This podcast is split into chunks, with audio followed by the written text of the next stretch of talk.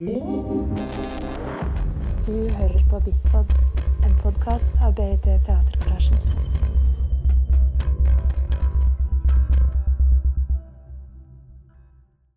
Welcome to this uh, performative lecture. Uh, we're very happy to have uh, prominent guests and friends from Alt visiting us today. Um, have um, I have promised to, to uh, describe you very correctly, so I have that in my notes. Uh, Alt Corpora is a group of visual artists researching the intersections between art and politics through exhibitions, performances, discursive events, and publications. We have three of the said publications for sale here today in the bookshop. They are handmade, hand printed, and hand bound, so they are quite dear, at least two of them. But I know that the artists would appreciate it very much if you support their work. No pressure. um, they also have uh, an exhibition opening tomorrow at Kunstgarasjen together with uh, other artists, and that's going to be a performative installation also. My name is Caroline, and I'm uh, working at BIT Teatergarasjen. Thank you for being here. So, thanks Carolina for the introduction. So, the topic of today, in uh, coordination with the concert, the show that is going on uh, later on upstairs, is the national question. At the beginning of last century, in 1913, Joseph Stalin wrote a publication that is called the national question.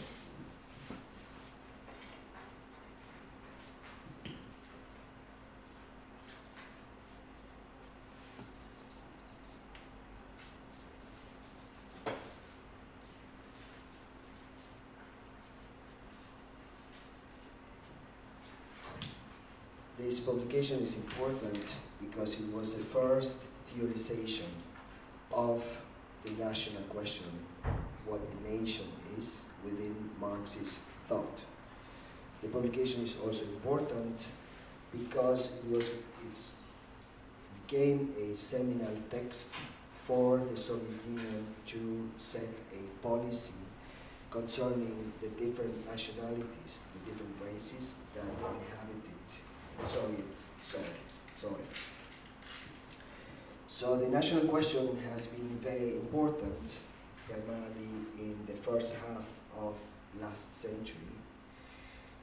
Uh, and today, this question is coming again back to the forefront of uh, issues that have to do with national and international politics. If we think about issues uh, like the refugee crisis, uh, Brexit, NATO, and figures like Donald Trump and Marine Le Pen. We are talking about issues that have to do with nations, with race, and with the national question. So going back to the policy in the Soviet Union, uh, the way that the national question uh, was conceived was that in order to build this new nation that was the Soviet Union, uh, nationalities, different races, and different ethnicities needed to be brought together. Uh, the Soviet Union wanted to uh, get this impetus that nationalities and races bring with themselves in order to build one nation. So basically, we can talk about the type of policy of multiplicity of.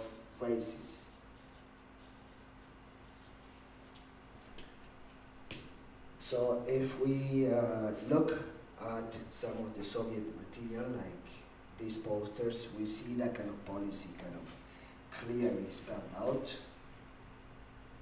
where you have like different races that are in the making of the nation.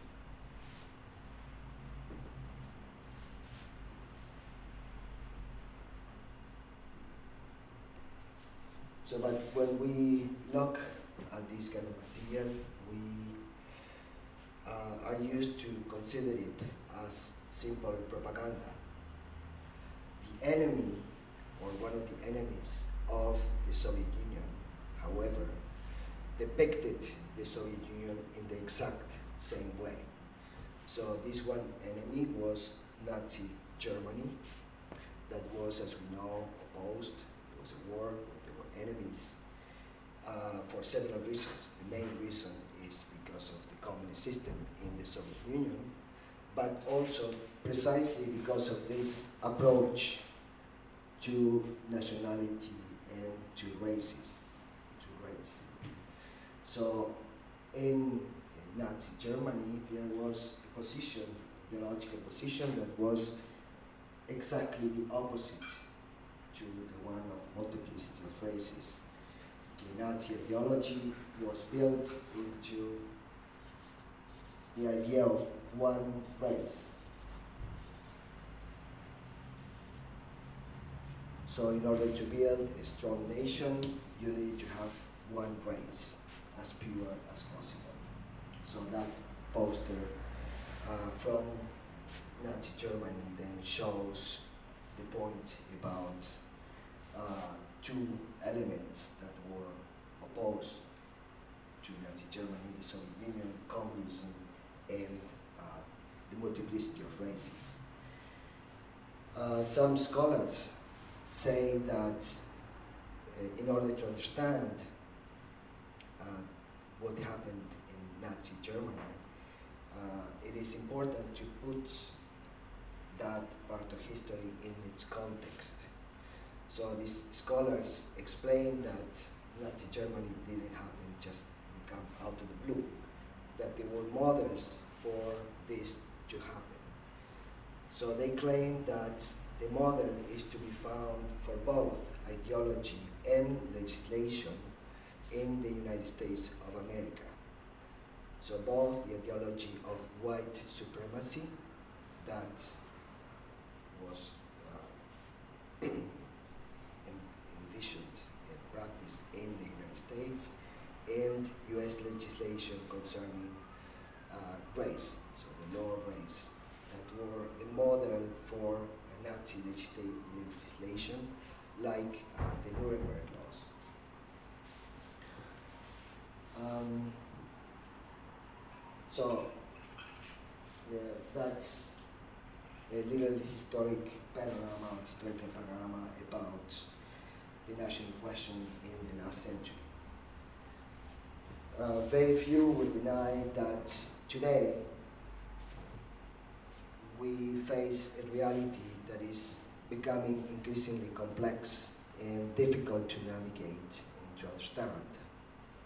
So if we think about, for instance, the recently coined concept of fake news, that gives us an idea of the complexity of things today.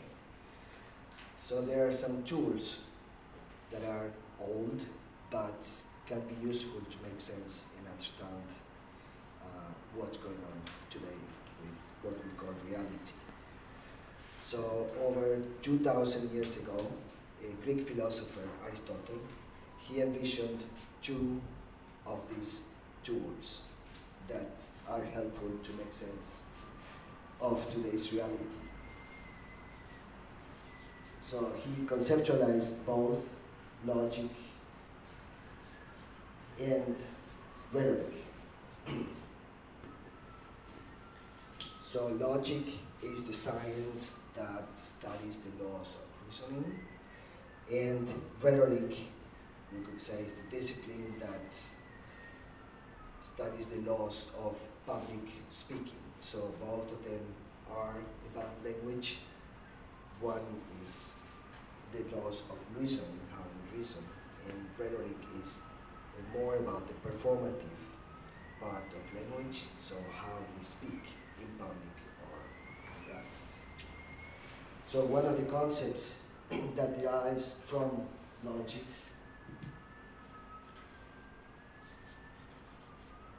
is the concept of universe of discourse.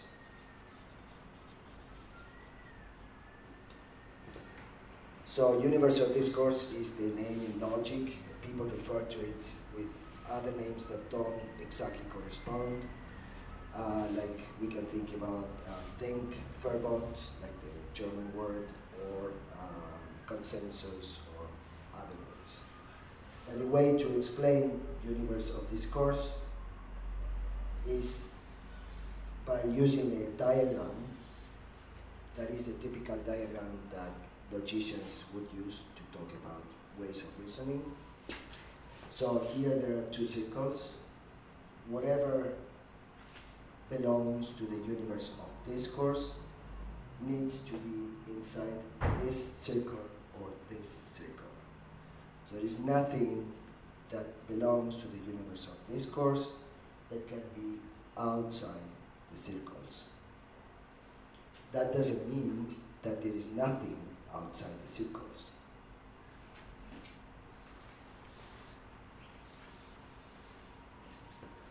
So what the circles do is they do a cutout of reality. They are not the empty space, but they are inscribed in reality. They just cut it out so that whatever we say, whatever we think, whatever we imagine, will be always inside the circles. So what happens is that the rest of reality that falls outside is empty. So the way that's represented in logic is by shading it out. So when you shade something out, it means that this is void, is empty, there is nothing.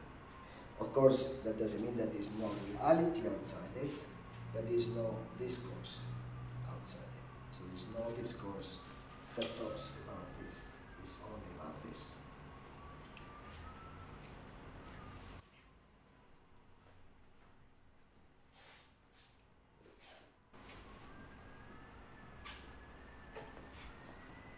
If there's one core belief that has guided and inspired me every step of the way, it is this. The United States is an exceptional nation. I believe we are still Lincoln's last, best hope of earth.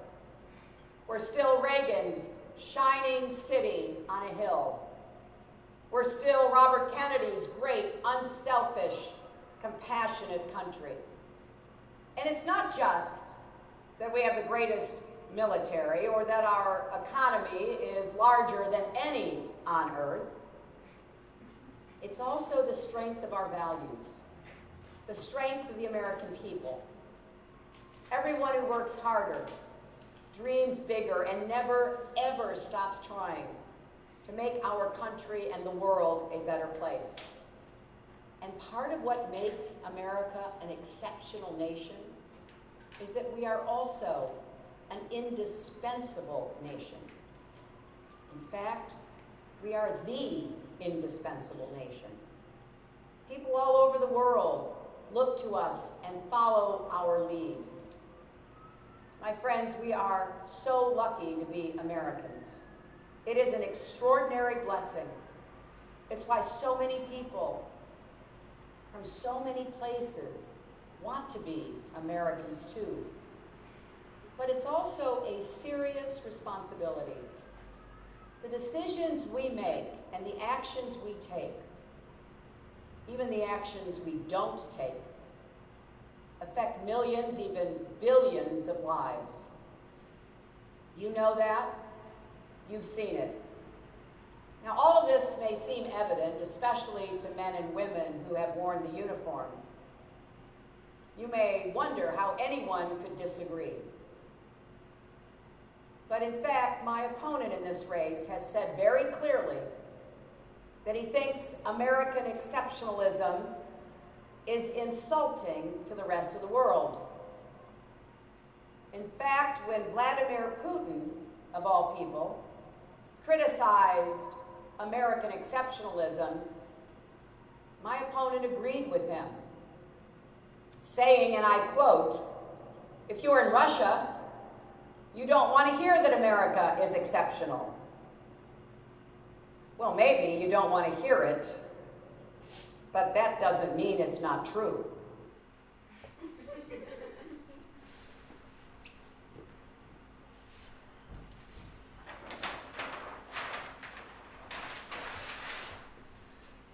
So now uh, I would like to go back to uh, Aristotle and rhetoric, the discipline that um, theorizes public speaking or speaking in general. So one of his points of departure uh, was to divide speeches into three different types. So he talked about judicial,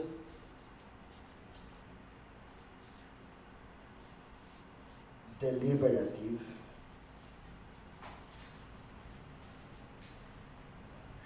and epideictic type. So three different types.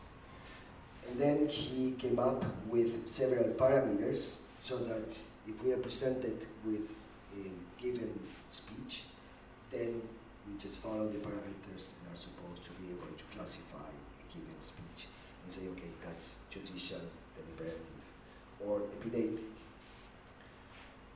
So the first parameter is where the speech takes place. So the judicial speech takes place in a tribunal. So the judicial speech takes place in a courtroom, let's say. And uh, the speaker is there in order to accuse or to defend someone. What is required or expected from the audience is to judge. So then we have tribunal, the speaker, the audience. so the speaker is supposed to defend or accuse, and the audience is supposed to judge.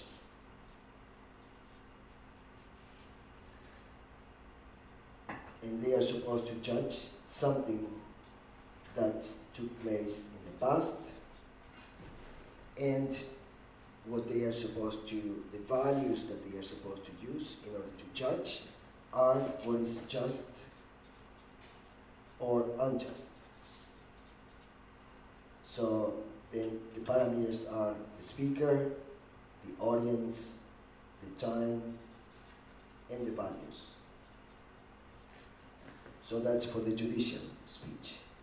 For the deliberative speech, is a speech that takes place at the assembly.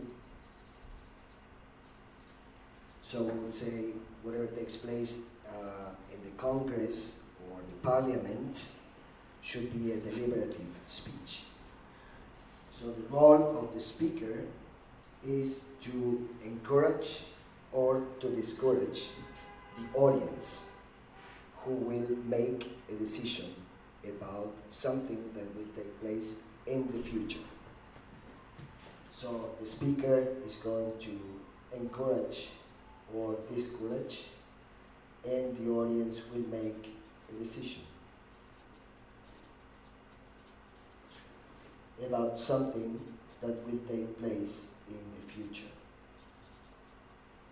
And the values are whatever is beneficial or detrimental for the common good. So let's say in the case of war, it should be brought up to Congress. The speaker should say, yes, you should vote yes for war. And the audience should say, okay, is it detrimental or beneficial? Then I will make a decision, depending on what is best for the common good. And then the epideictic type of speech takes place in the conference room. And this is the field of aesthetics. Um, so this is what sort of concerns us as artists. So we can think about an art critic. So the art critic writes in order to praise piece of work, artwork, or blame the work, so say it's good or bad. And uh, the audience is supposed to evaluate. So if someone writes a critique about the play, saying it's good or bad, then based on the critique, the audience should evaluate it, make up their mind. And the time is the present. And the values are what is beautiful or what is ugly. So Aristotle also talked about types of reasoning that should be predominant in these different types of speech. So the judicial is the one that has the type of reasoning that is the most strict. So the type of reasoning in the judicial speech is a deductive reasoning.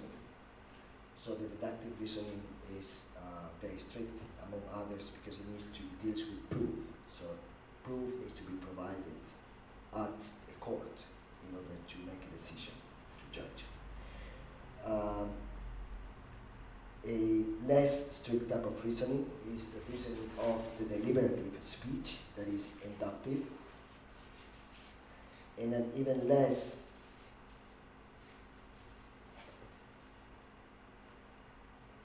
amplification.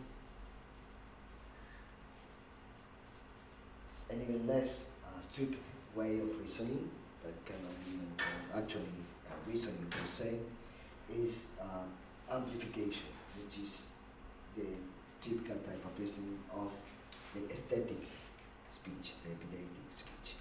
So in amplification, what you do basically is you depart from an argument, and then what you do is you intensify the circumstances. So you don't need to give proof necessarily of anything, but it's a lot about repetition, it's a lot about the way you use language to amplify the circumstances. So it just intensifies very intense language. So this is important uh, in order to clarify the complexity of the reality that I was talking about at the beginning. Because if you start displacing the elements, you will see that things become very complex. So if you listen to a speech or listen to someone, not necessarily speech, that is talking, and you can detect that they are misplacing these elements, you will see how things that could be simple become very complicated. So just to give you a little example from here, if you are uh, in a courtroom and you are judging someone because they have committed crime or not, but instead of using the values from the judicial speech, you use the values from the epideictic speech. You judge the person for their beauty or ugliness, it doesn't work. So pretty much any of the elements here that you start mixing and fooling around with them, then things become quite complicated.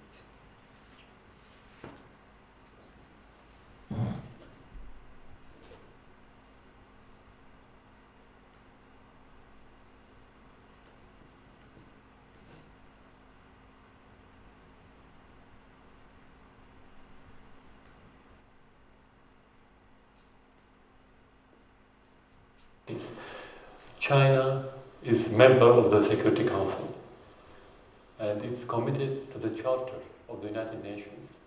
In that veto, China has defended, first of all, the Charter. Because the United Nations was created in order to create, to restore stability around the world.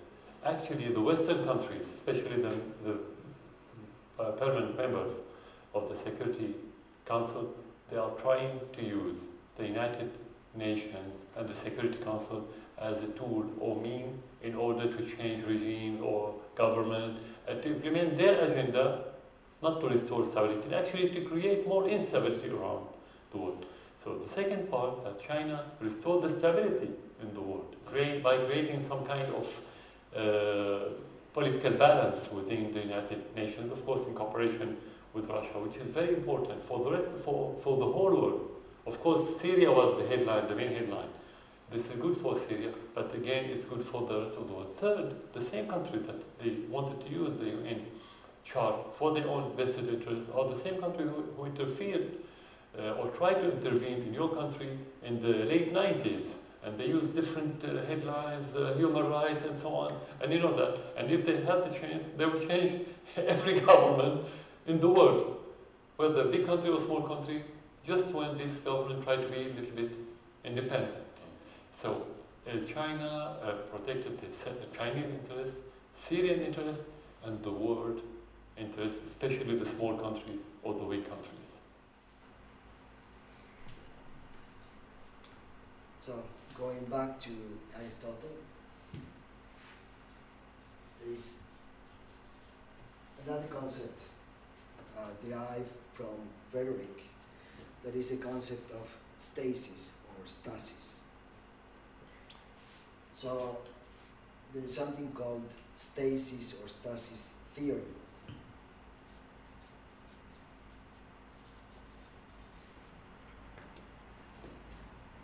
So this theory is important when you have two parties that are in disagreement.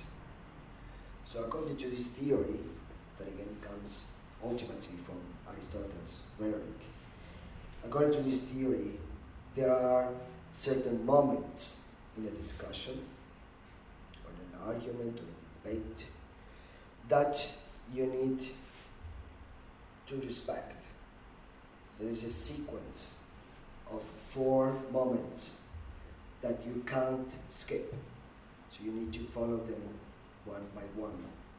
And then whenever you are discussing, whenever the two opposing parties are discussing, they need to agree on every moment in order to pass to the second moment and to the third moment and so forth. So the first moment is called the moment of fact. The second moment is called the moment of definition.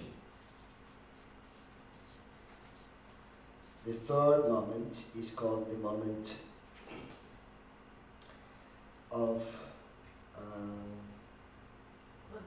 quality. Thank you. The fourth moment is called the moment of jurisdiction.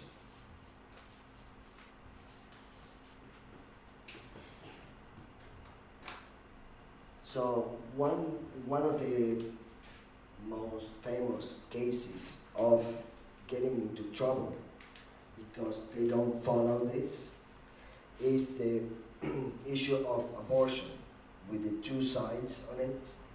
One is the pro-life and the other the pro-choice. So the problem with these two groups is that they are not talking about the same thing. So in English you would say they are talking past each other. So that's when one part is here and the other one is here or here, or here. So in order to discuss, we need to be discussing about the same thing. And then we need to agree in order to move to the second moment. If not, it's not possible. So the moment of facts is like now if I say someone stole my wallet and then someone sees the wallet on the floor and it's like, no, nobody stole your wallet. You just lost it. It's on the floor. So you have to determine the facts first. What happened? You can't accuse someone of stealing your wallet if what happened is that you just lost it. So when both parties agree on what happened, then you can move to the second moment, which is the moment of definition. And the moment of definition is important because it's when you call things names, like when you call people names and you call things names, it's very important to know that we are talking about the same thing. So, is it robbery? Is it murder? What is it? Then, only when you agree, you can go on to the third moment, which is the quality. So, the quality is to determine if what happened was just or unjust. So, if there is a murder, most people, someone is killing someone else, most people would say it's unjust. But there are certain circumstances, like self-defense, that can make that killing just and not unjust. So when you agree on the quality, then you move to the jurisdiction, which is uh, that both parties need to agree to the forum, to the authority that is going to rule over what happened. So the authority can be your parents, can be the school, the director of the school, the teacher, the judge, the UN, depending on what the fact was and how it was defined.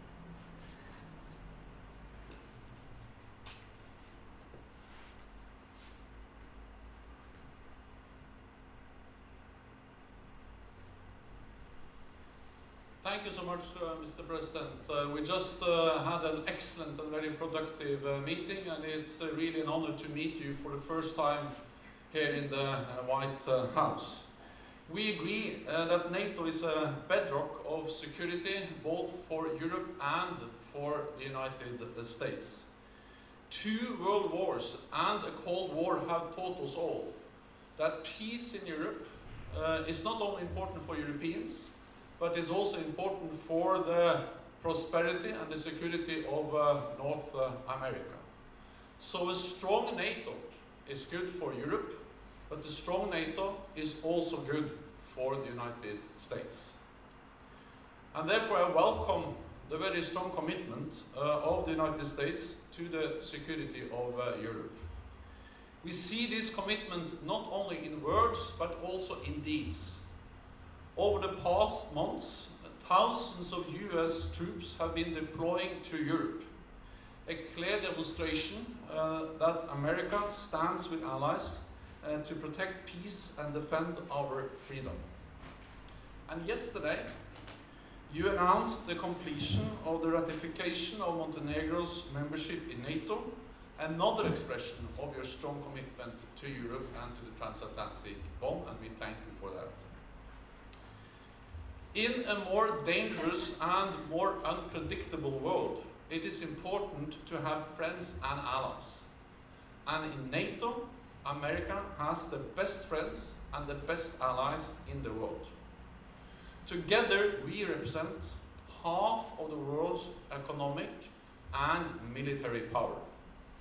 No other superpower has ever had such a strategic advantage. This makes the United States stronger and safer. We saw that after the 9 11 attacks on the United States. That was the first time NATO invoked our Article 5, the Collective Defense Clause. Allies sent AWACS surveillance planes to help patrol American uh, skies. And we launched NATO's biggest military operation ever in Afghanistan. Hundreds of thousands of Europeans and Canadian soldiers have served shoulder to shoulder with American troops. More than a thousand have paid the ultimate price.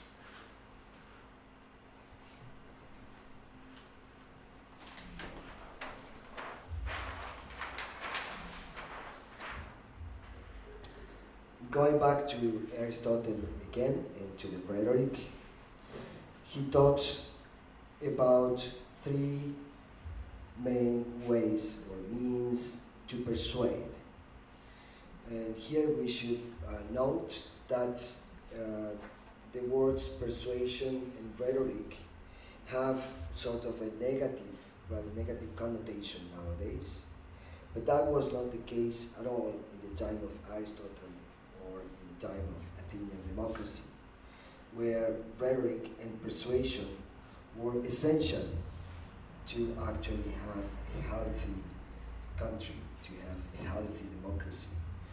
And uh, being familiar with rhetoric was important for two reasons. One, because people needed to participate in democracy in order to keep it healthy. So they needed to be eloquent when they spoke, they needed to know rhetoric.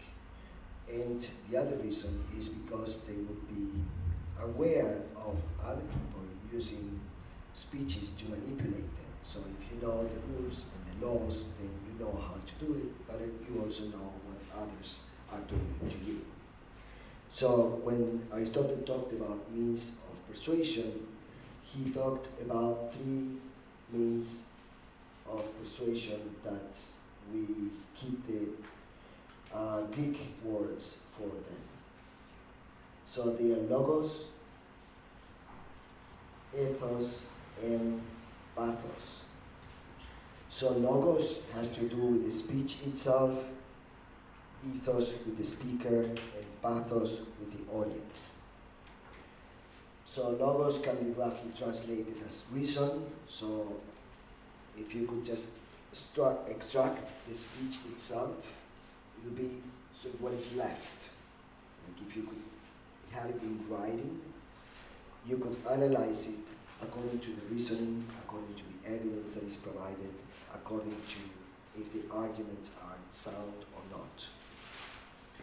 The ethos, on the contrary, doesn't have to do with the way the speech is built. The ethos has to do with the character of the speaker or with the position of the speaker. For instance, if someone who is a priest gives a speech, and the same speech is given by someone who is a police officer, it's not going to be the same because the skills, the authority, the expertise that they both have is different. Same thing with the character or the way that the speaker portrays themselves. If the same words are not being going to be the same, if the one who says it is someone who is very aggressive or someone who is very soft or someone who is very angry, it's going to be different. So this has to do with the speaker. And finally, pathos has to do with the audience. So Aristotle was uh, very afraid of pathos, which is the emotions or the passions that the speech can generate in people. And so he uh, was very extensive on making uh, lists and descriptions of the different passions uh, because he thought that public speaking was a very powerful tool that if it was misused, it could be very dangerous. Uh, so he tells speakers that they should be aware of the strength of their tool and since it's not too difficult to build a good speech and generate a lot of feelings like to be afraid, generate feelings of fear, of anger, of hate. So Aristotle says that the best speech, the ideal speech, is the speech that has only depends only on logos, without ethos, ethos and pathos. However, he knows that this is impossible because this is part of the speech, is part of the package. Yet, he privileges very much speech that could just be built out of this and minimize ethos and primarily pathos, which is the most dangerous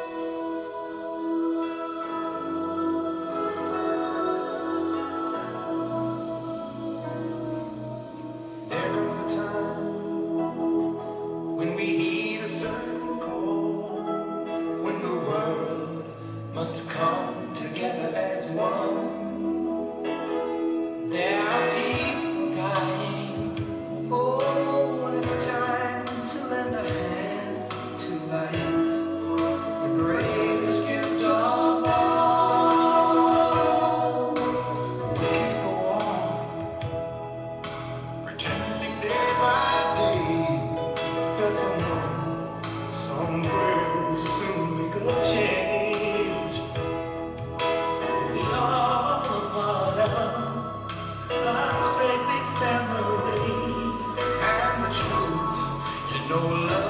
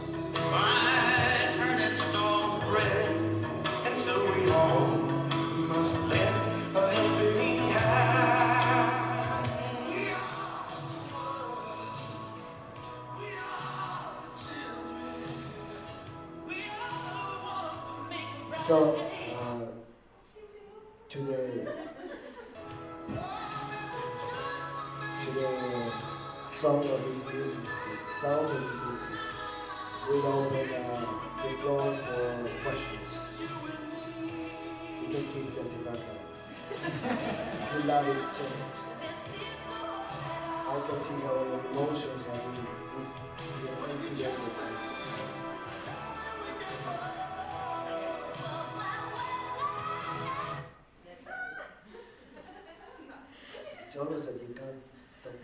Once you start, it needs to continue. So I don't know if Agnes and Oscar want to join in for the questions. Uh, thank you. It was very interesting. I like the way you did it to sort things out and make new reflections. Yeah, thank you. Interesting. No questions. Maybe later. Maybe later. Yes. Well, yes, thank you for presenting us to the Aristoteles. Mm. A very nice way of doing it. We know partly some of it, this logos, ethos and pathos is, is probably the most well known. Uh, and but also the, the rhetorics of writing and the, and the discourse in, in, the, in the expositions and how it could be also traced in drama. That's also interesting. Uh, but I, I maybe wanted to point out that this pathos thing is something that, they're, they're, we're afraid of it, is something coming back in, in the 20th century. For instance, Brecht and Erwin Piscator in Berlin, uh, they represented political theater, and uh, Piscator wanted to, to create pathos in his big reviews and to, to create a kind of uh, uh, exos, uh, kind of excitement in the audience. But Brecht saw that that was very dangerous, so he, was uh, uh, trying to avoid it by creating distance or verfremdung, estrangement. And then he escaped Nazi Germany. He was num- number one on the list of the, of the artists who were going to be caught by the Nazi government when they really had the possibility to catch, to uh, the artist. But Piscator, he was asked if he would like to join them by Goebbels, because they liked his way of creating pathos, although it was uh, a, uh, in a political uh, uh, way, it was a revolutionary way, but they saw the, the direction, they saw his technique, and they wondered if he would like to change side. So that's a kind of, uh, of uh, very interesting aspect of this pathos. And also in uh, 1937 in Nazi Germany, theater criticism was forbidden. Was not allowed anymore to execute theater criticism because uh, uh, they said that criticism represented those who were elitist and the, the judges of taste. And that was uh, something that the people didn't need. So, uh, and exactly the same kind of debate came up in the 90s, late 90s, early 2000, for instance, in Denmark, when when uh, when they used, they spoke about uh, what they call the Danish smagsdommerne, those who are uh, judges of taste, and they were the elitist. So the there were many newspapers and uh, broadcasting corporations that decided to do without the critics. And now this debate is coming to Norway. It's exactly what's going on now here. Uh, about, and, but nobody knows that you can trace it back to to to Piscator, Brecht, to, or to Piscator, Brecht, no, to, to Goebbels on one side, Piscator and Brecht, and then to Aristoteles. So uh, so this turns the attention maybe to the kind of debate that is going on in in uh, in Norway at the time about words in artistic communication, how to, to explain what's going on in an artwork to the audience. And there has been some writing, some uh, some articles in the newspaper in Bergen about this topic, which everybody sitting here knows about. Uh, uh, uh, I shall not go into depth with that because that would take too much time for my commentary. So uh, when Stalin wrote that uh, thesis on the on, on nationalities, and he created, uh, he instigated it in the so creation of the Soviet Union, 1921, together with Lenin first, and then in, in Power Alone.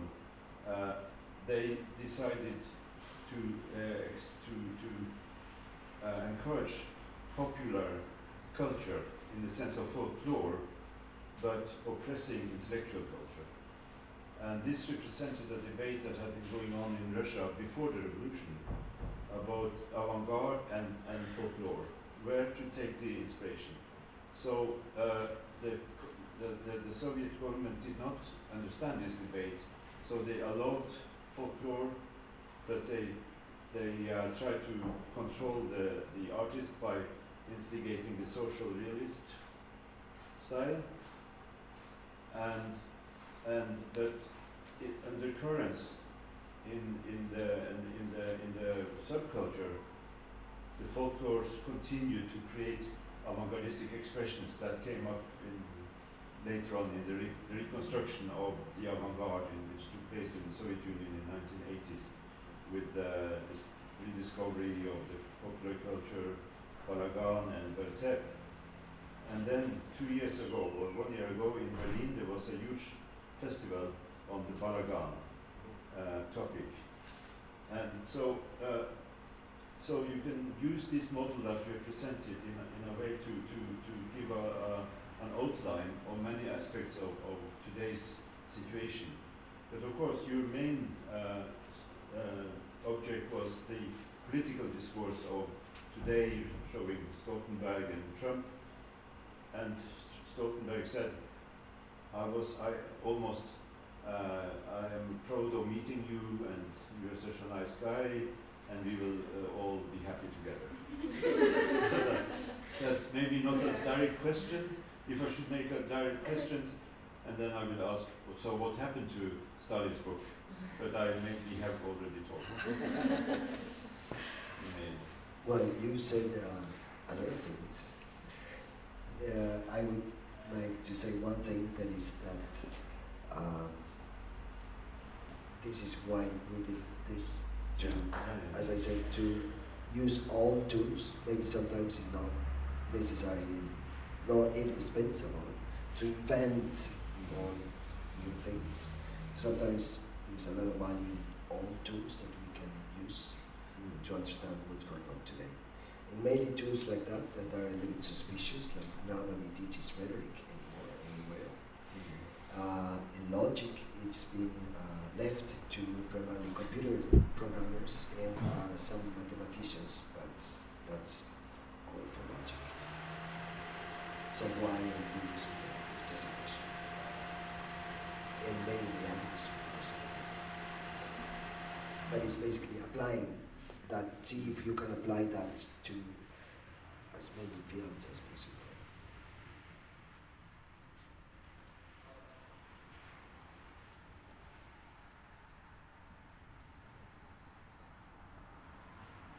Now the questions. You understood everything perfectly. Should, we- should we do a quiz now?